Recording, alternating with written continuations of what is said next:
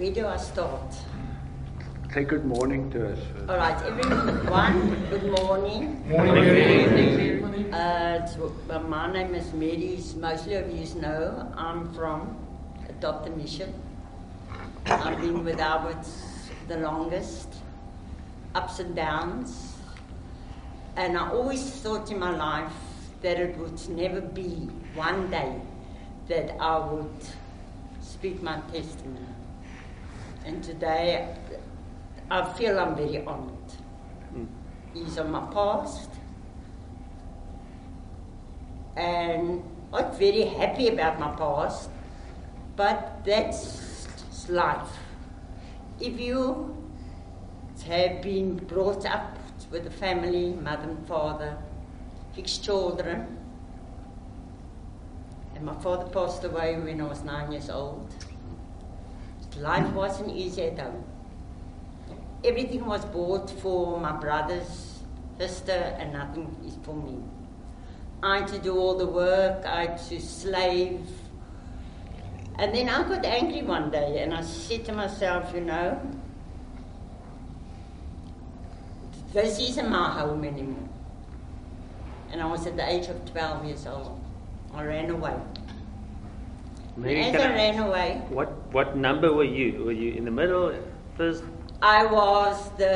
Um, um, we were six children. I was the fifth child.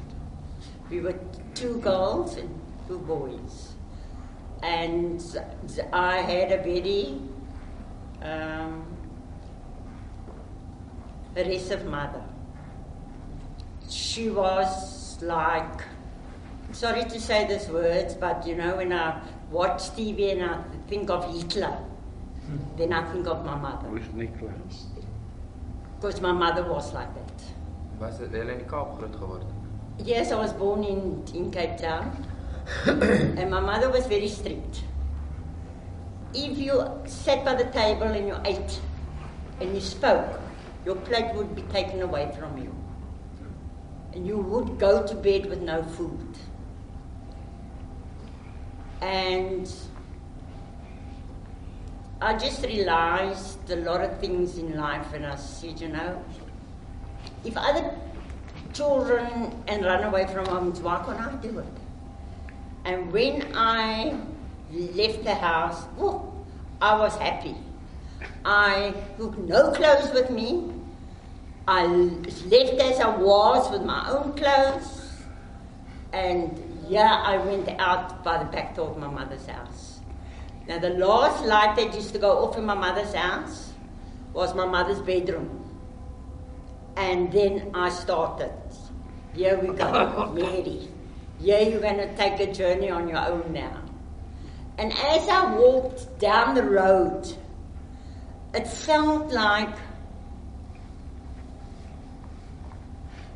am I doing the right thing? I didn't even think like that, even. I just left. And then on the corner from my mother's house was standing a woman. He's in the s- state she was, I remembered. He became my first friend. and she took me there to the nightlife. We went in there and the music's playing and whoo, I'm so happy I've never been in a place like this. I'm 12 years old, but I was bald big. So the, the bouncer, he didn't realize, even asked me my age or anything like that. I just went in with her. And that's when it started. The drugs, sleeping with men, finding out it was a nice life. I started to have my own money. I used to go the following day to have my hair done. And I felt free. But I felt inside there was something missing. And I couldn't make out what was missing in my life. And as I realized, still, I think it was a week, I was still in the nightclub. And all as I looked up, I saw my mother standing there with the police. starting to escort me right out there. In the van, I'm under drugs. I tell the cop, the policeman, I said, hoekom vat jy so lank om my op te sluit? Kom aan man, ek wil gaan slaap. And as we, they put me in the van and yeah, go to Plein Streets police station, they lock me up. The following day, I was sent to a place of safety. I appeared in court with my mom. She didn't want to have a look at me. They said I'm rubbish, I'm nothing. I would go to the dumps. Then I went to a boarding school. At that age, I never saw my mother from from 12 years until 19 years old. Came out. So I had to go back to my mother's house. I didn't want to go back. And then I stayed there for a month. But I ran away. And that's how I realized I was on my own. Depended on nobody. And that's how the record started with my life being a prostitute. It wasn't easy. It was nights of, I still today have nightmares of how I used to sleep with men.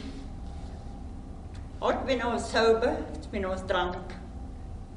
I had to be under the influence of liquor is to make my money. I couldn't, there was no other way. And I had a friend that we went to go stay by our mother. I stayed there for 10 years. And the racket was going on, and the money was going good, and the men came back. There was times you was, I was sick. I couldn't afford even a doctor. And that's how ah, had to, to battle on my own, sort my life out, find myself a way to it better.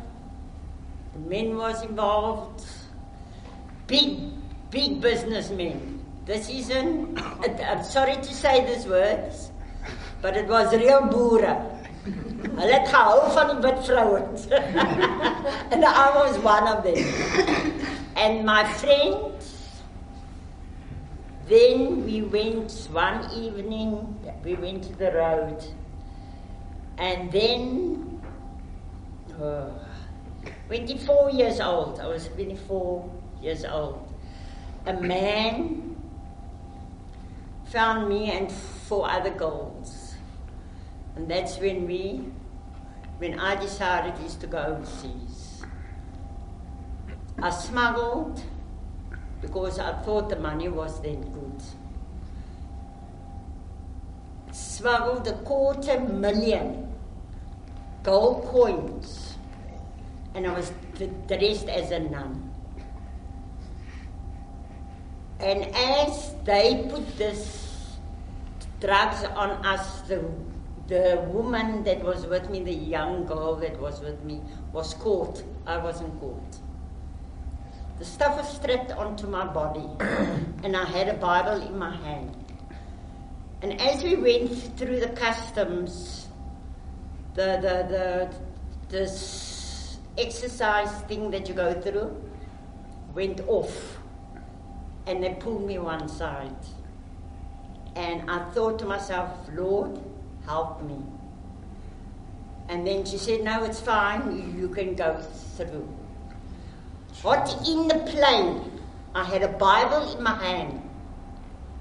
And I always I sat down with this coins on me and I had this Bible and all that even all that did with the Bible, I opened it and I came to Psalm 23.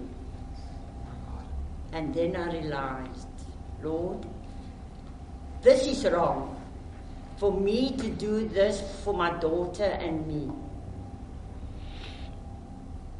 How can I come back to South Africa? And all I asked God on that Bible, I said, Lord, I cannot return back. It's because these guys are watching me on the airport. They got guns. I have um, the, what they want from me. Over there, I went to India.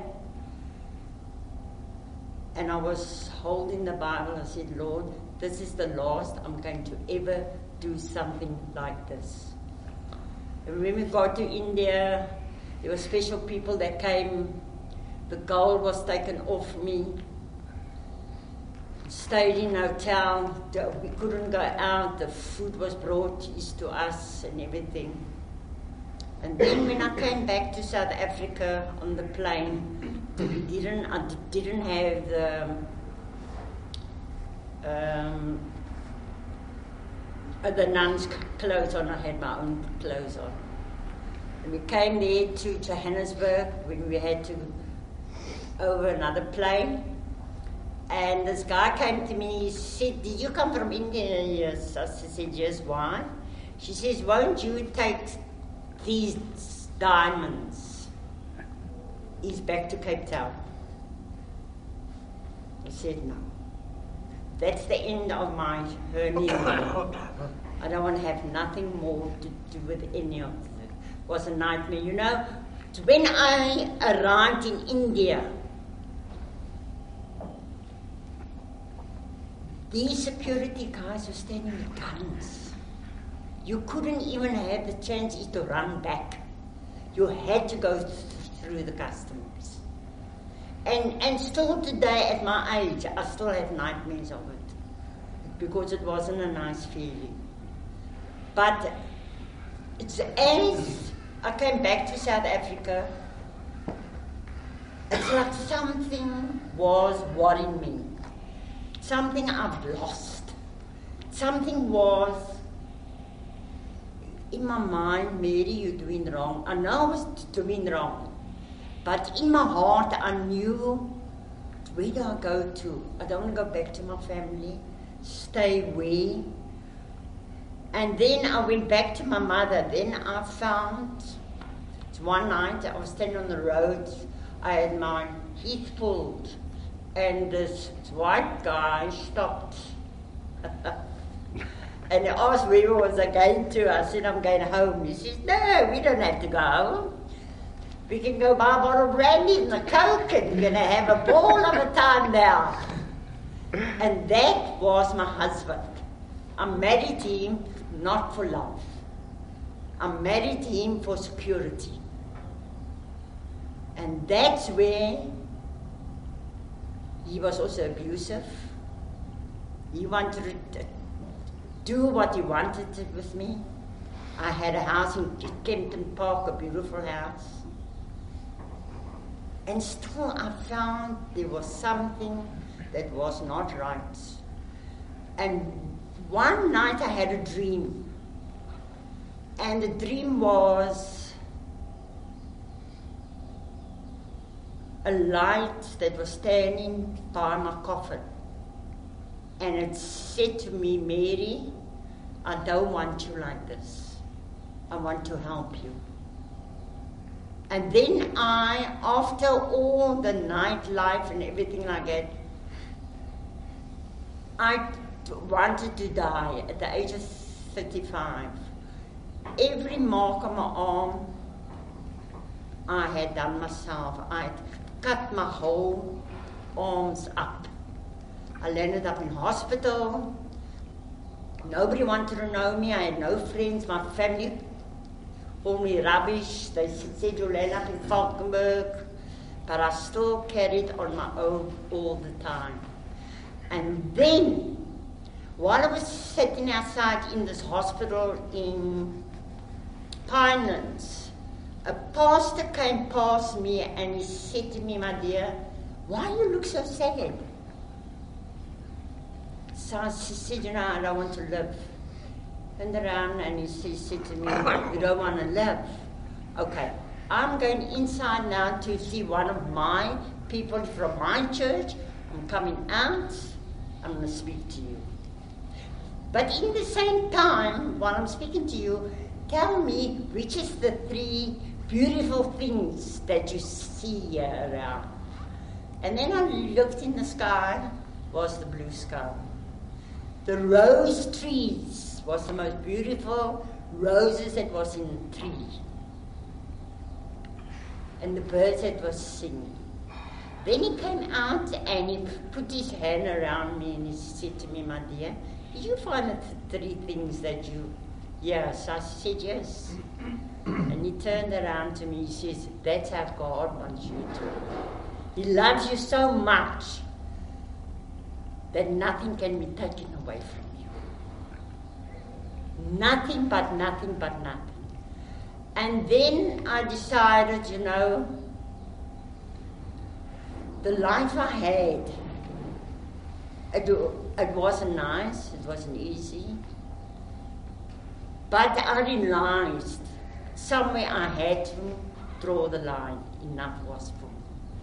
Then I had a daughter from my husband, and then I said, no, I'm going back to Cape Town. Stayed in Kempton Park, sold everything up, and I came down to Cape Town, and I said to myself, I'm going to start a new life. And where I'm going to go stay was in Alba Gardens by my brother.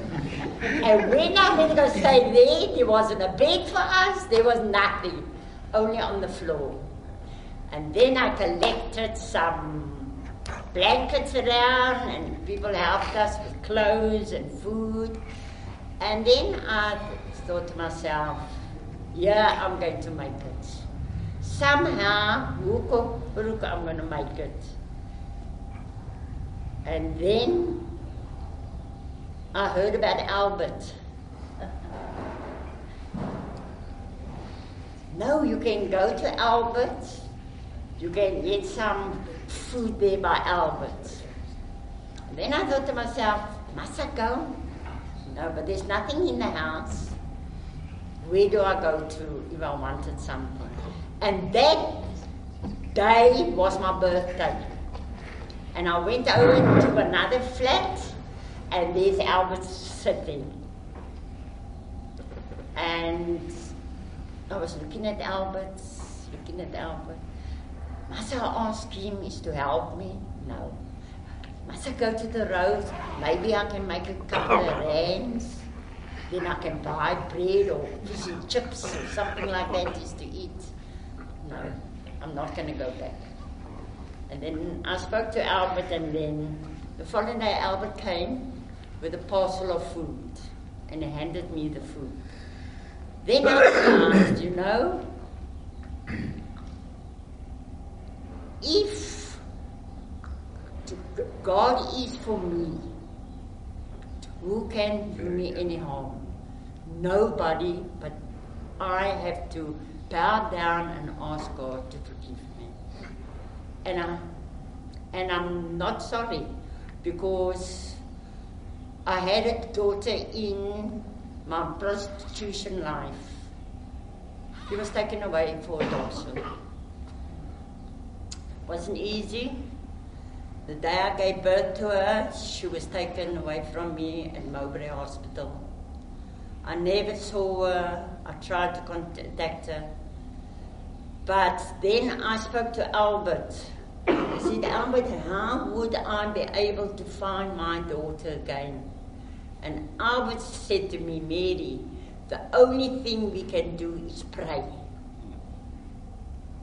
And we prayed and we prayed, and things. I was standing one day on the main road selling clothes that Albert gave me to sell so I could survive. And as I was standing by the table, I saw this car come up. And the old lady got out of the car and she came to me. She said, Mary, how are you? So I said, I'm fine.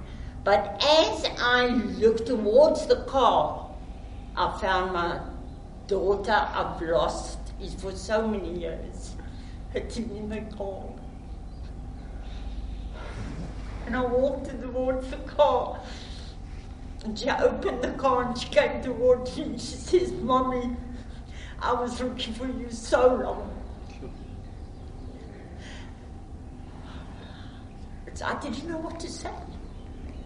So I couldn't answer, I couldn't, I just looked at her and I could see she was my child. And we still have time with one another, but not so much as my other daughter. And then she phones me, and then she phones me and she says, It's mommy, I don't know how to call you by your name. Or must I call you mommy? I told her, I just said, That's up to you. I couldn't make her love me straight away. I couldn't make her understand that I was her mother. And then one day, my other daughter that I'm staying with, the youngest one, she said to me, Mommy, are we going to Spur? But I'm not in the mood now to go to Spur the Sunday morning. She says, Mommy, you're going to get dressed and we're going to Spur. And as we walked in Spur in Durbanville, down, I saw a woman sitting by the table and it was my daughter. And we sat by the table and we were talking, and we were talking. And I said to her, you know, mine, and I gave you your name. But there was nothing else I could do. She says, Mommy, I know your history, but I want to tell you something. I love you very much. She's married today, she's got a son. We don't, if I could bring time back, is to say to myself, is to be a better mother, I will do it. But unfortunately, I won't be able to do it. And it's hard sometimes when you think, when I'm down there the doctor mission I look at people, like for instance, the farm, I go on his Facebook and I look what a wonderful life he's got with his children. And I think to myself, you know, if I, I've had a life like that with my husband and my children. I don't think so. I could never speak to my mother about anything. I couldn't say to her, I want a pair of shoes, I want this or that. And today, still, when we get close down there, I appreciate it very much.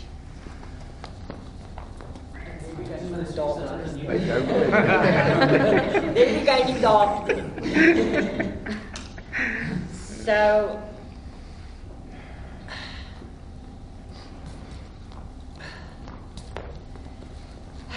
I don't know what to anymore say, but I must thank you very much. It's a thing I never dreamt of, but I know that a lot of yous are married. You've got wives, you've got children. Look after them. Because children means a lot to you. Me actually. Because I never had that time in life is to be with my children. They have got one daughter now I'm staying with. She's got cancer. And I asked myself the other day, God, so why can't I be the one to carry that cancer? He had a major operation last month, Albert, in a back and in a neck, where they found the cancer is spreading. She got a phone call Monday that she has to go back to Groote Schuur. And I asked God, I said, see God, why can't I be the one that can have that cancer? And she looked at me the other day, she says, Mommy, so all these things happen. Why me? I know you can't ask hard me.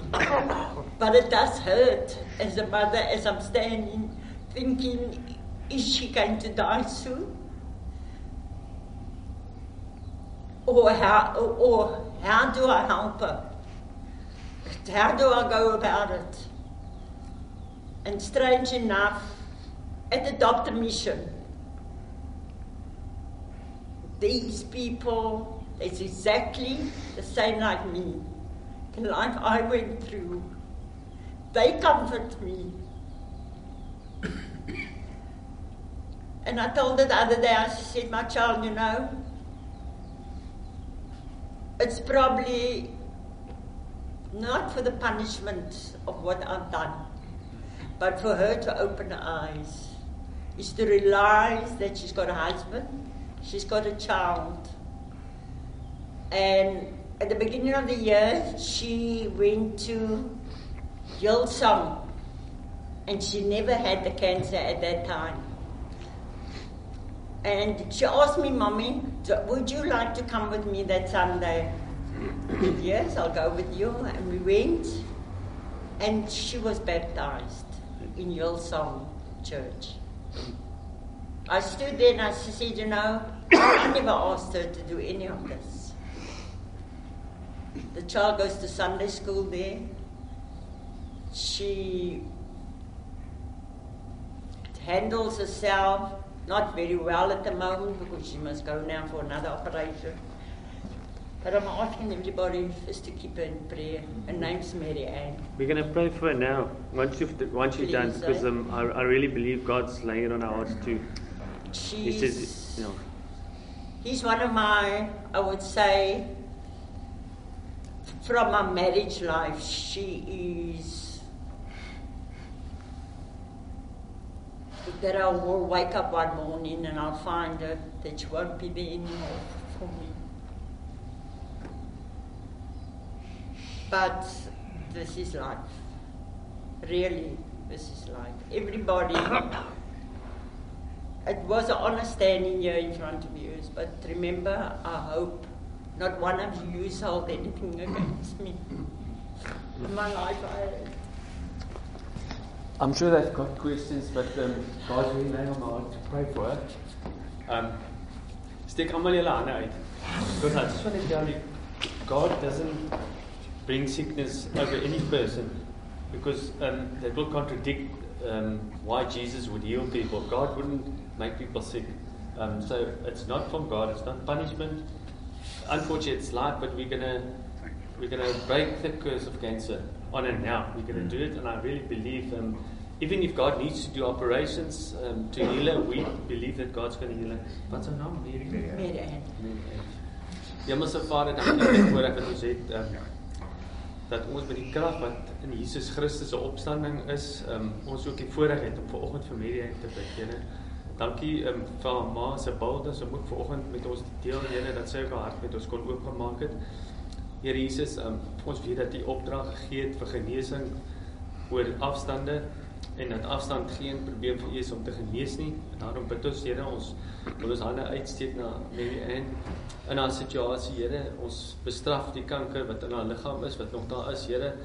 Ons bid en vra dat U ook vir haar volkome sal genees, Here, en dat U ons geloof sal versterk daardeur, dat U ook vir hulle as gesin sal bemoedig en bystaan in die moeilike tyd. Dankie Here vir haar geloof en versterk haar geloof in die tyd, Here, van beproewing. Want ons weet dit kom nie van U, Here, as U met ons deel volgens ons sondes, Here kan nie een van ons in die naam met Jesus Christus vir ons dit moontlik gemaak het vanoggend hier kan staan en bid genesing vir Here op die oomblik. Ons eer U daarvoor, Here. Amen. Amen. I'm sure there's some questions. Yes. I, I, I want to find out. Um, it's almost now 10 years that um, mom uh, from sugar and all that type of sickness. And many times I look at myself and I say to myself, I ask myself this question, but why is I'm blaming myself uh, for, for my mother's death. And a lot of my family also has turned around and said to me, well, it's your fault. And at that time, I started falling backwards. I went to, uh, to pubs with my friends and I drank myself totally out, out of my family's life. And up till today, okay, this one auntie that it lost me such a lot.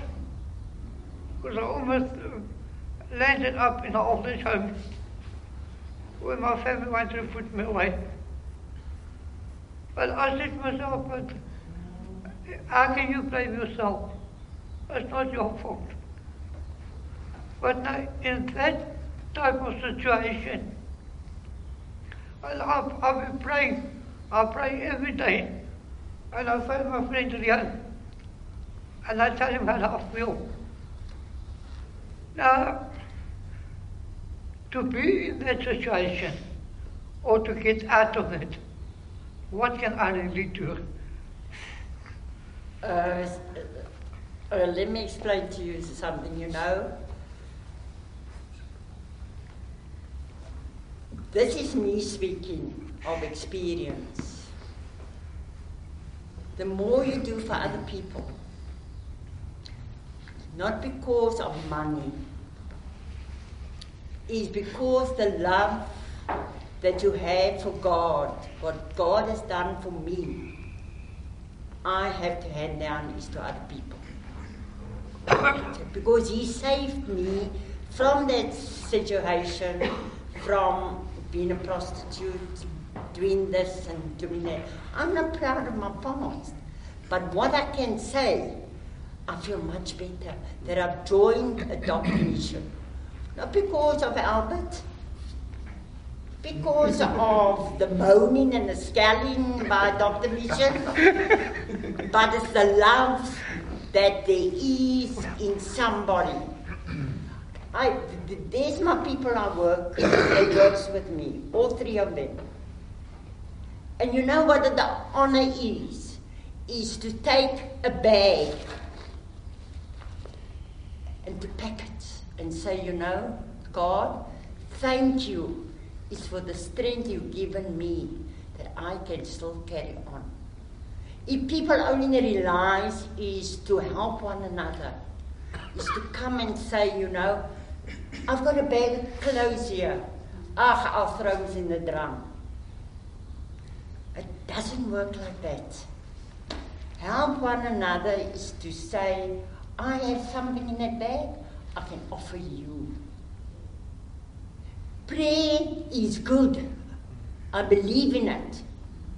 But when you do something, not because you want the honors, but you want the love of somebody else. If somebody came along and said to you, Oeh, jy het 'n goeie werk gedoen. Oeh, jy het 'n mooi baadjie aan. And I can turn around and say, you know, die, die baadjie wat ek aan het. Dit kom van 'n Dr. Mission af. Now, somebody else is sad about it. But I must say. Because I know I can take it and I can wear it. I can take it off and I can give it to somebody else. This how it is of life today. It always never shines is for us. It's not always that, that we can say, um, I have money. I never had money. I've I'm a pensioner. My money goes into what I need in the house, food. By the end of the month, I've got nothing.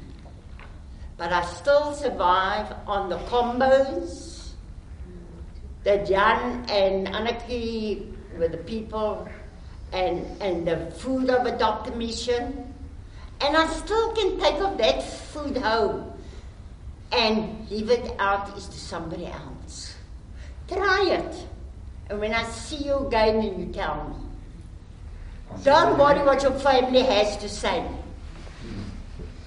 Family will bring you more and more down. I stay with my, my daughter and her husband. But I'm sorry to say this, I don't care a damn about them. I do what I feel like doing. If I want to go to church, I go to church. If I don't want to cut my hair or color my hair, I don't do it. I want to be me. I want to serve a God that's helped me on in life. And by, by the Adopt a Mission, we can do all those things. Okay? Uh, how's your relationship with your brothers and sisters now? I'm You going have to tell you, it's most of my brothers all passed away. I got one sister living, and yeah, I'm still staying. Wil jy nie vir hulle die short short version 'n 'n regtig net 'n kort beskrywing gee van van baie van die mense ons ken nou Dr. Mission net wat hulle doen, Okay, die impak wat hulle op mense se lewens maak en wie en en hoe you help them. okay. We are, I think, mostly our user. It was my birthday in January, and I'm going to put somebody in the eyes now. I was offered a beautiful cake for my birthday, and I never got that cake. As a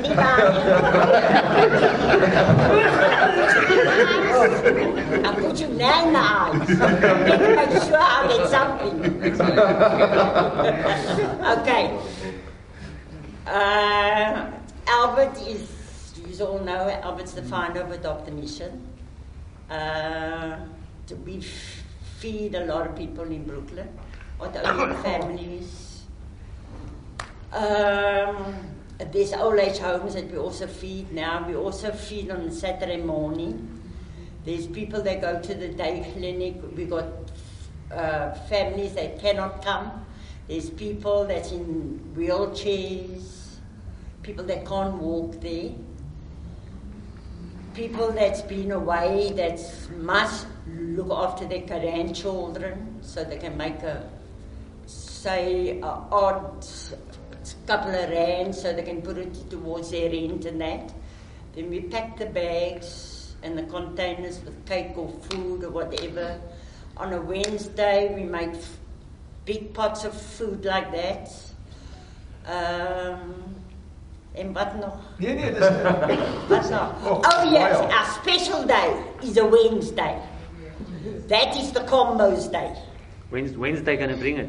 No, Wednesday, when the combos come, the people are very happy about their combos.